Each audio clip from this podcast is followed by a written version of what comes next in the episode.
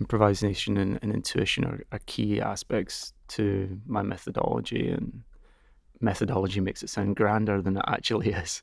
I don't have a script or a shot list before I start the project. You know, it's a generative act. It's a generative process of research, and the research doesn't stop. It doesn't stop during the making, during the shooting, during the editing. It stops perhaps after the film is finished, but it carries on right until the last minute. And, you know, sometimes it continues after the film has been finished, and that's what lays, you know, bears the fruit for further investigation, for further works. I'm really inventing the structures as I go along and dealing with the propositions that are at hand, with the, the obstacles that are in my way, and finding ways to overcome these obstacles, or just using the obstacles as fixed parameters to work within, making a virtue out of a necessity. Following an intuitive methodology based on an autodidactic approach, Luke Fowler has created a body of film works that disrupts documentary narrative conventions. His films make up a gallery of episodes and characters that connect diaphanous experiences, the opposites of a fait accompli. In them, time tends to expand, voices multiply, old 16mm reels merge with new footage, and a plurality of discordant testimonies are brought together around a single event, so that readings are free to move in ambivalent directions.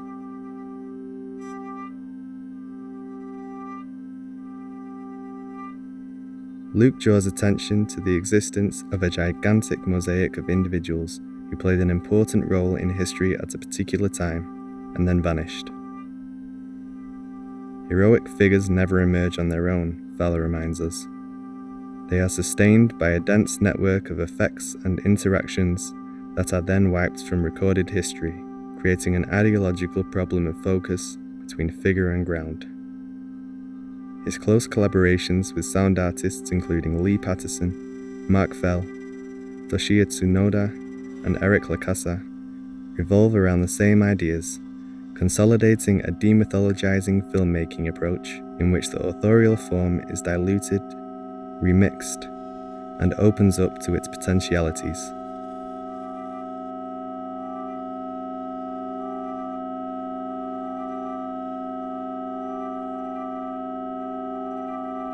In this podcast, Luke Fowler talks about music, computers, and instruments, about infrasound, ultrasound, and the thresholds of the listenable, about archives and obsessions, about effect as a film editing criteria, and about the enormous complexity involved in representing a person's life. We also talk about the forces that make some artists disappear from the cultural canon altogether in spite of having created fascinating, groundbreaking work.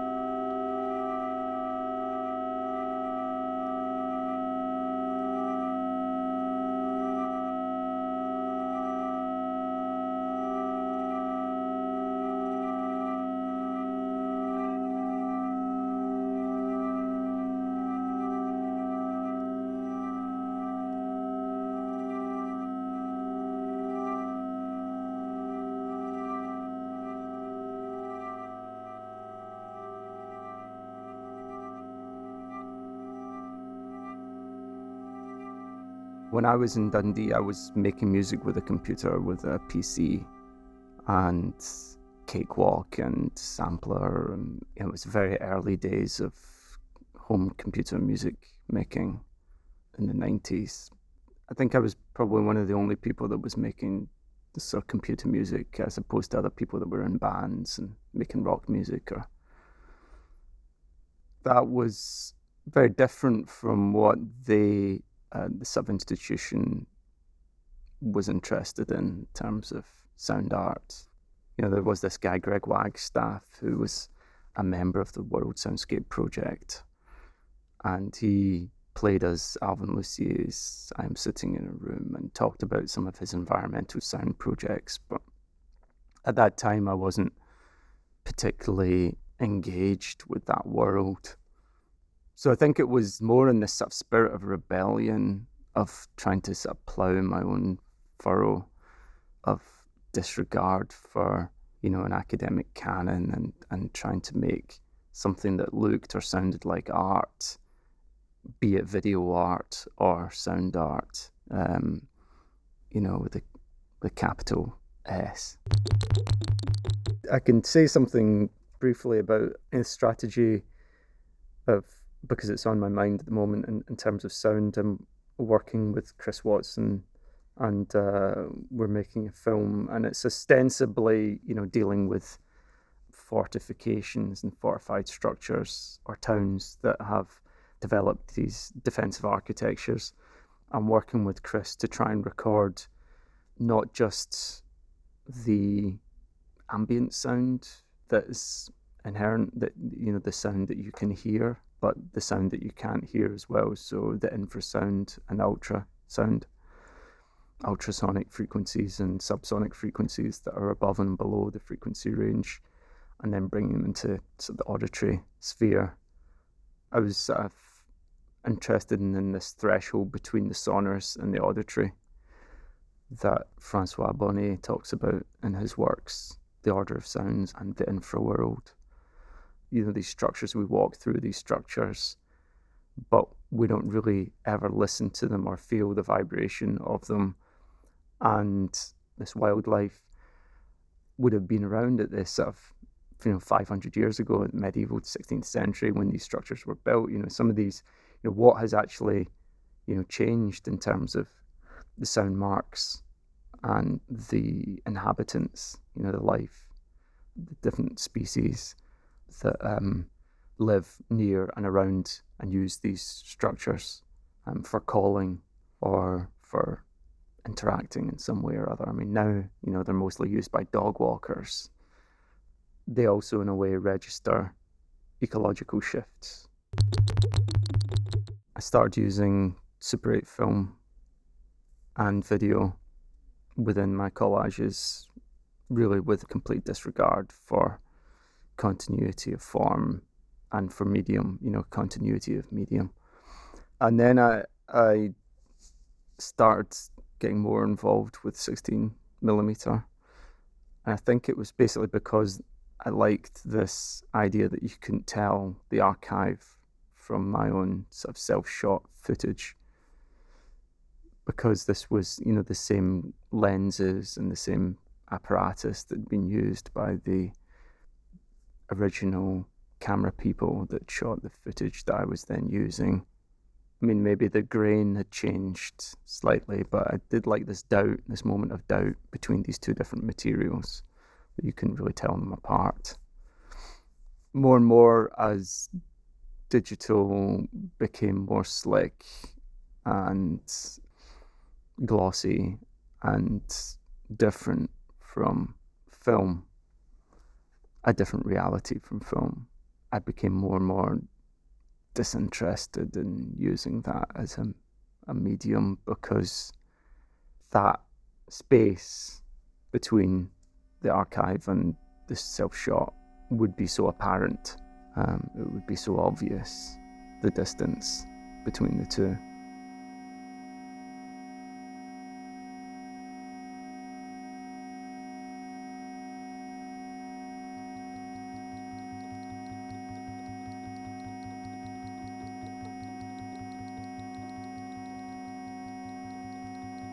The, first film I made, What You See Is Where You're At, which was the first collage film I made using found footage.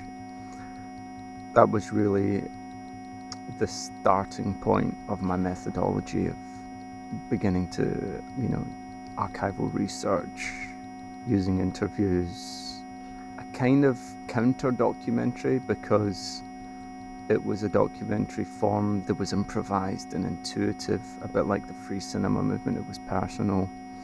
It wasn't taking a template of documentary. I think what was really important for me was at the time was making something that didn't look like video art, that wasn't just this self-reflective, solipsistic project that was that video art had become. So I was interested in something that conveyed information that was kind of pedagogical in a way, but that pedagogical experience, I was the vehicle for that pedagogical experience. And I am the cipher that runs through the films. You know, I'm a, a protagonist in a way. The films are very personal. They, hopefully, without it being obvious to the viewer, they don't come out of it in the way that they would maybe look at Nan Goldin photograph as being autobiographical, but they are autobiographical in a more coded way, a more masked way. But the methodology, yeah, it really developed from this use of archival material, asking questions to people, um, of looking at places that historical event had happened, disintegrating or questioning the material that I was posing. So, really opening up the form to fissures and ruptures and cracks, allowing doubt to come into the form. For me, the problem with documentary is that everything is sealed and it's a safe, homogenized, packaged product. And there's no place for doubt and crisis, uh, questioning, and moments of uh, discomfort. And that really was what I was trying to bring in in the first film, even in the first film, was to convey to the viewer something of the experience of what it might have been to have been at Kingsley Hall in this place of, you know, epistemological insecurity, uh, epistemological anarchy, as some people called it, where everything was up for grabs, where you didn't know who was a patient, who was a doctor, who was an artist, and who was a, a reporter. And I laugh when I see the dramatic depictions of these events now that are, have been made into feature films because it just seems so far removed from what I did. So I always believed that, you know, there was no singular truth and that we were looking at a complex situation with multiple versions that were all conveyed by a different position.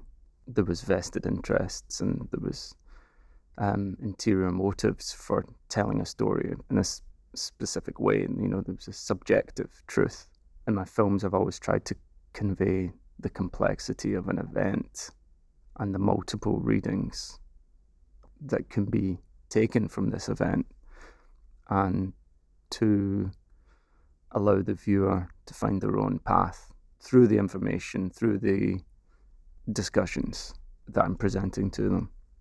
In this way, it's different from the two dominant modes of documentary where, you know, cinema verite mode where you're flying the wall, you're presented a course of events that is very much edited and manipulated by the ideology of the filmmaker and what they're trying to present.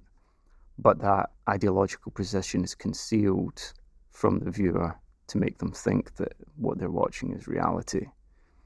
In a lot of ways, it has to fit into these confines of film narrative structures that often um, follow dominant allegorical modes or mythic narrative arcs. That's why somebody like Frederick Wiseman interests me because he always used expanded time. I mean, there's this whole idea of you know the pro filmic that reality is created for the documentary, that reality is altered by the presence of a camera and a microphone. It's not natural or authentic. We can just go back to Flaherty and Nanook of the North to test that theory.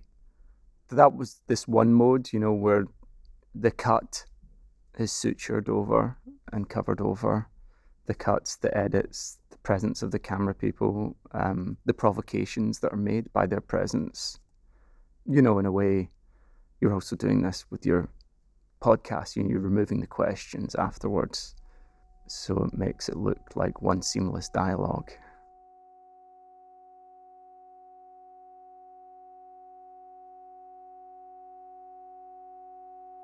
I think that's a question of form, you know, the question of form and of, of a linear form that is compelling.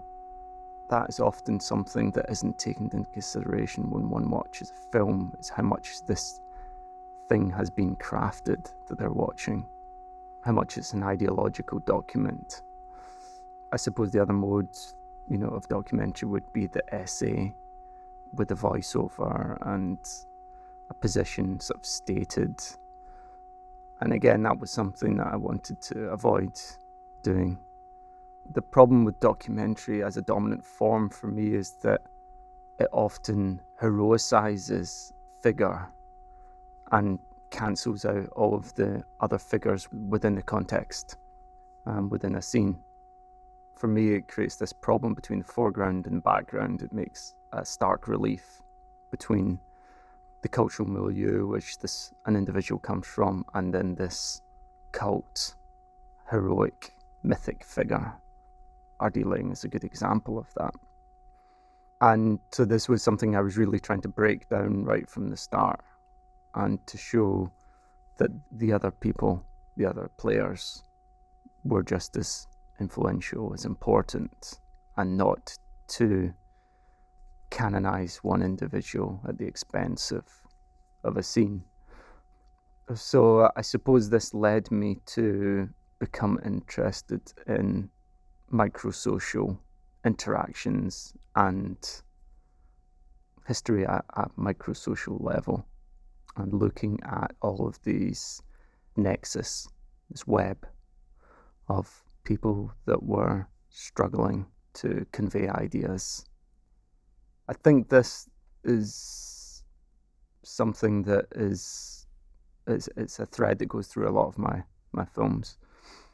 You know, looking at L. Voag, who's like the bass player, ostensibly the bass player for this band, the Homosexuals, this punk band, the Homosexuals, but in fact, he shapeshift and reinvented himself into all these different nom de plumes, different artistic voices in order to have artistic freedom and not be imprisoned by your own identity as an artist.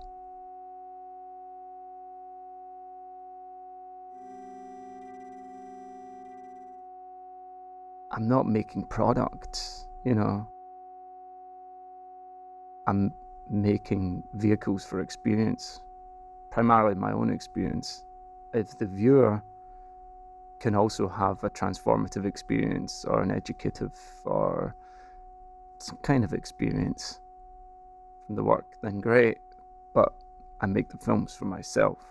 I'm an autodidact.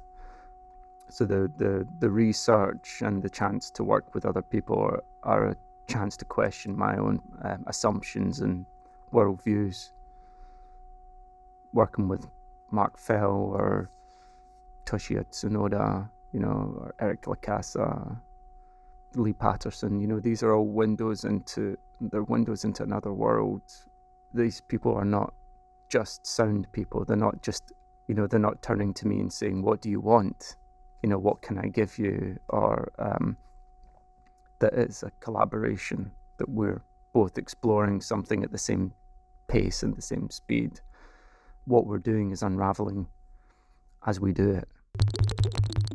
I guess, you know, the question of cultural consecration of these figures being consecrated and what happens when they're consecrated and whether they then lose the potential the potential to mobilize other people. I mean that's the problem of the museum and it's the problem of documentary it's the problem of historical narrative.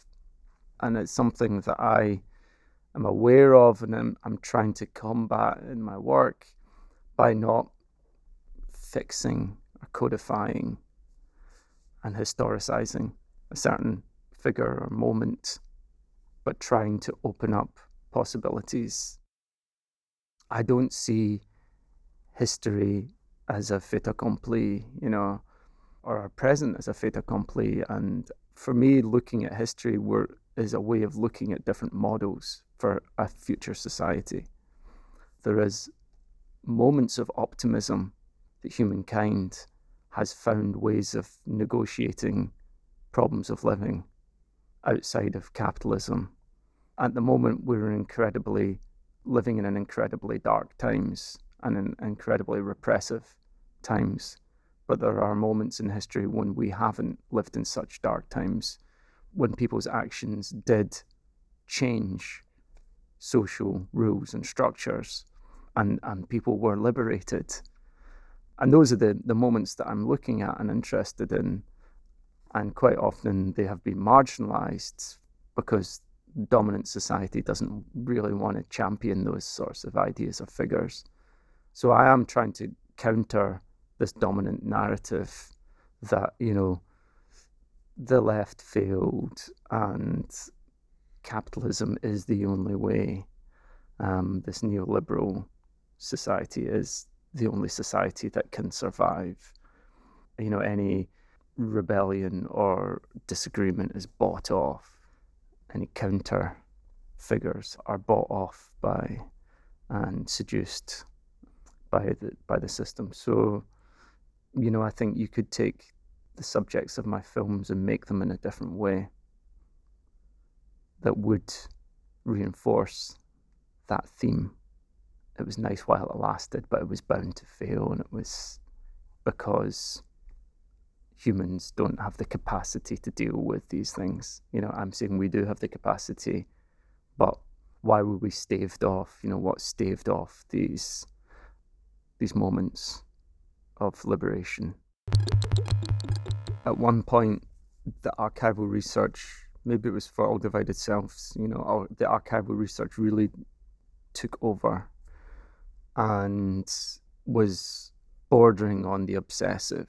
You know, I just couldn't stop until I found every single piece of footage that pertained to the figures that I was interested in the film just kept on getting longer and longer, and the footage kept on, you know, growing and growing.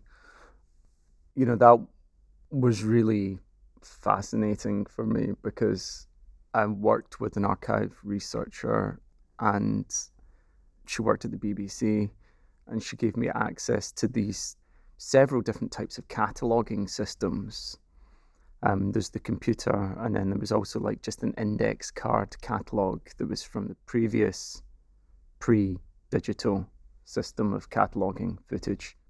So you realize that there's a skill in how to access these archives, you know, what keywords, you know, you need to use because a lot of the time when the programs are shown and then cataloged, the person's working late at night. You know, they maybe have a hundred films to catalog in a you know ten hour overnight shift. So they don't recognize the people on screen. It's the seventies. They don't have their name burned into the to the film, so they would miss people out, and they, they didn't consider to be important. They thought were marginal figures, but for me, they were the key to my narratives. So I would just have to really widen my search and look. I looked at every film. Basically, it was a hist- I did this kind of history of mental health films and programs about mental health in Britain in the 60s and 70s, and then identified, oh, you know, there's David Cooper or there's William Sargant or Aaron Esterson or Juliet Mitchell or people like that, you know. So that way of working was something I, I was very invested in. And then when I got to a film like The Poor Stockinger, that was about this WEA, um, Workers' Education Association, you know, 1940s and 50s, with E.P. Thompson and Raymond Williams and Richard Hoggart. And there was very little footage, of course, so I had to take a different strategy to making those works. And in those works, the research was very much into paper archives. So there was these boxes and boxes of archives of the extramural courses that were held in Leeds University Special Collections. And it was within this research that we found these two papers that were, became the key narratives to the film, or they became like a script to the film. One was E.P. Thompson's memos from his classes that he'd written, even though there was this this was a formal obligation and a process that he was bound to do by the university. He managed to convey his wit and humour and you know draw remarks and disappointments about the class and the class outlook. Those memos became one part of the work, and then the other part was this essay. Again, it was another long memo that he wrote against university standards that he distributed within the WEA, and this was when the WEA w- was starting to merge with the university structure. And what he feared was happening was because the WEA and the university were working in collaboration, you know, the university would give tutors to teach English or politics or literature within these communities um, to adults. But then it started to impose sort of rules and regulations on how the tutor should act and how they should behave in terms of sort of inculcating a certain objective and impassioned manner to the students, and that, that is how they should behave. In a way, he felt that they were being agents for a sort of middle class indoctrination. They should accept the position that they're in, not try and change society, or not try and. And this this went against the social purposiveness of the movement, and really against the aims of the WEA. So that narrative was really strong in the film, and that method of of using the the archives in a different way, not to find images or footage, but to find actual texts, um, was a, a change in direction for me.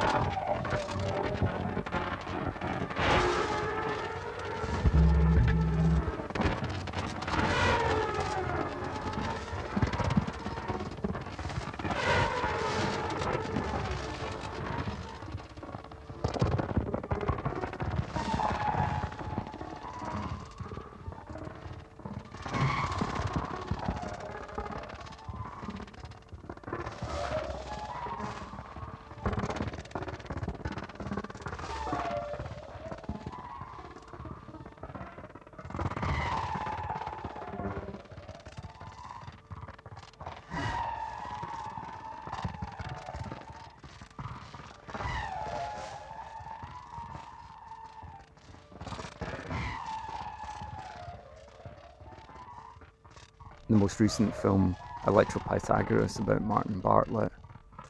I think this this idea of affect comes in more strongly because up till then, I was much more interested in communities and micro-social interactions and events rather than the life of a singular figure, heroic figure.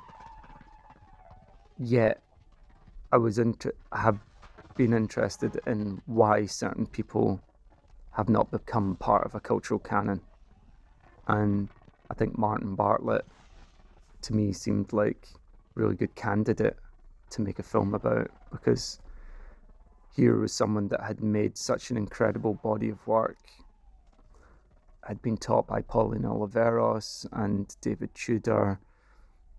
He had developed these contraptions and programs that allowed him, that put him at the forefront of live electronics. You know, he was a pioneer in early microcomputing, but no one was releasing his work in the way that David Behrman's music was distributed by Lovely Music or the League of Automatic, you know, Composers was released on a USB stick by Alku and also on CDs by New World Music. He was in danger of, his output was in danger of being lost and forgotten and becoming just a footnote in history. So this was the the motivation for making the film about about Martin. And then when I started making the film, I realized that it wasn't just going to be a film about computer music or about this one moment in computer music, um, because that would be a bit niche for a wider audience. And so, for the first time, I actually started thinking about how to deal with the complexity of somebody's life, portraying. And this is always something I've avoided in the past, you know how do you encompass somebody's life? How do you represent somebody's life in an hour?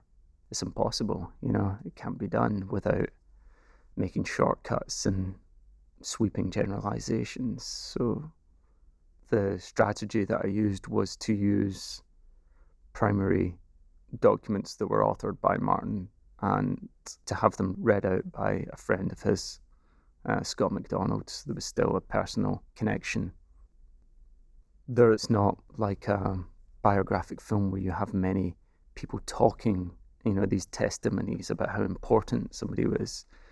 And so I used his diary entries and letters to other friends and composers and edited those. But they are presented in a non-linear fashion. So it's a non-linear history of his life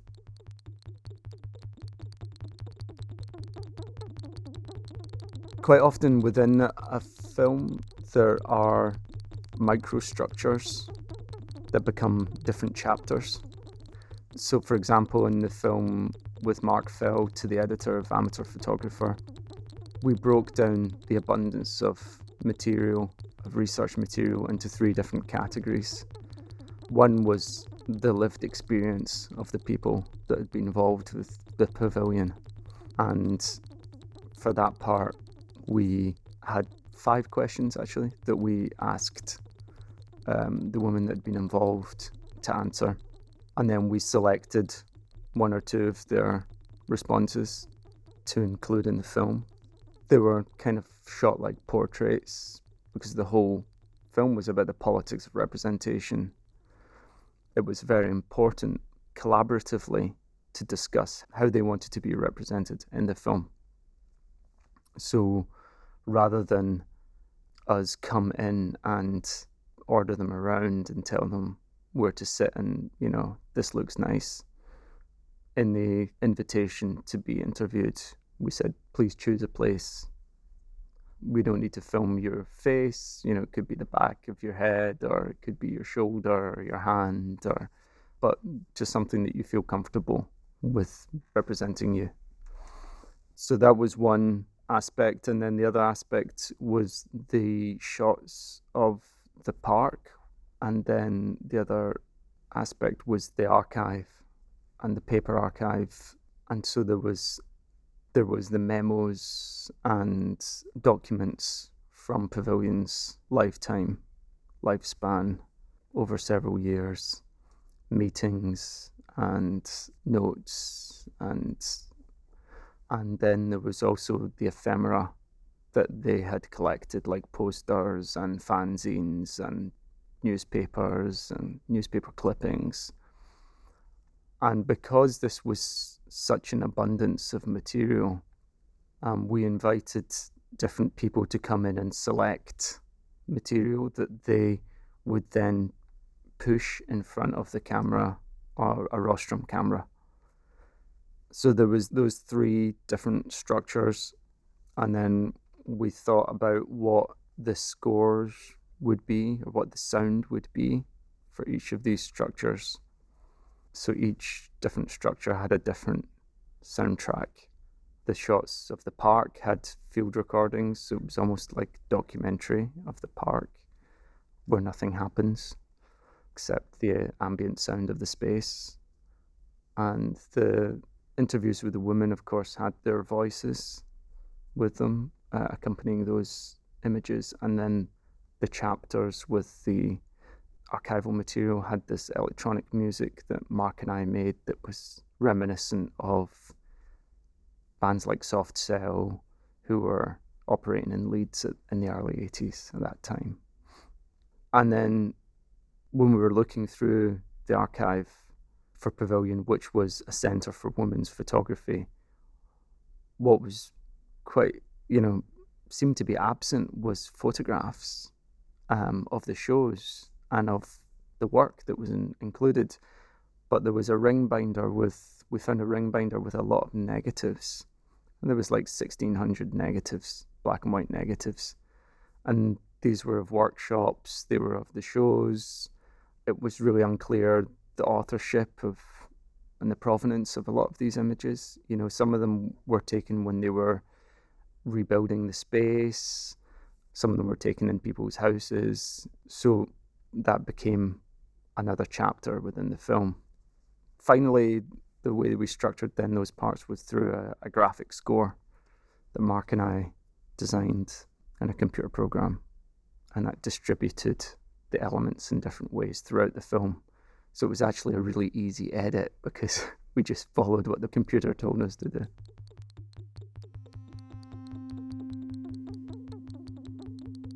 I mean, it was never a separatist organization, uh, Pavilion. So um, at least some events were um, women only, um, but generally, you know, men were allowed in to view the exhibitions, and even though it was female authors, the way that we dealt with our gender was to be very open about and, and not trying to mask that we have an embodied reading. Everyone has an embodied reading, but that we didn't want to just impose our view. So to do that, we had to gain the trust and the collaboration of the people that we worked with.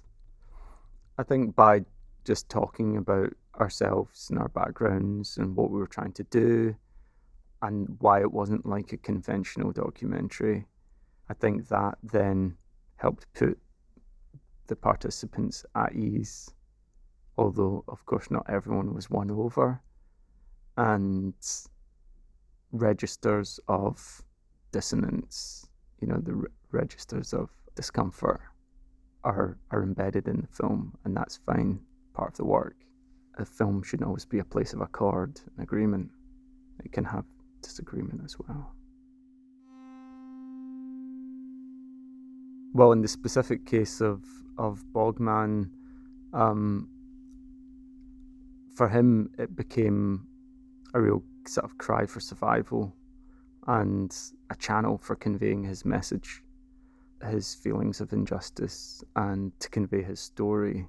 He he really wanted to register his life story. I think he was quite unambivalent about being documented and was proud and, and passionate and thoughtful about what he wanted to portray and what he wanted to tell and that was very different from uh, any other experience I've ever had of making a film. yeah, that would be different from the experience of working in the pavilion, for example, where there wasn't so much of a necessity to get the story told. Well, in saying that, I mean, there was definitely a feeling that um, this moment was perhaps overlooked and that Pavilion did need to be documented and did need to have a, a light um, shined on it. But perhaps the, the individual people involved didn't have a, a, as big a necessity to have their story registered.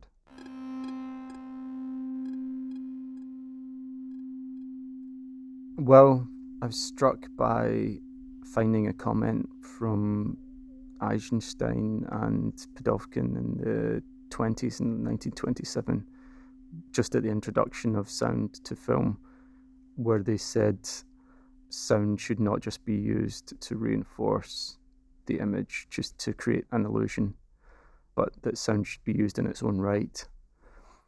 And I've always taken that to use sound not just to reiterate what's happening in the image.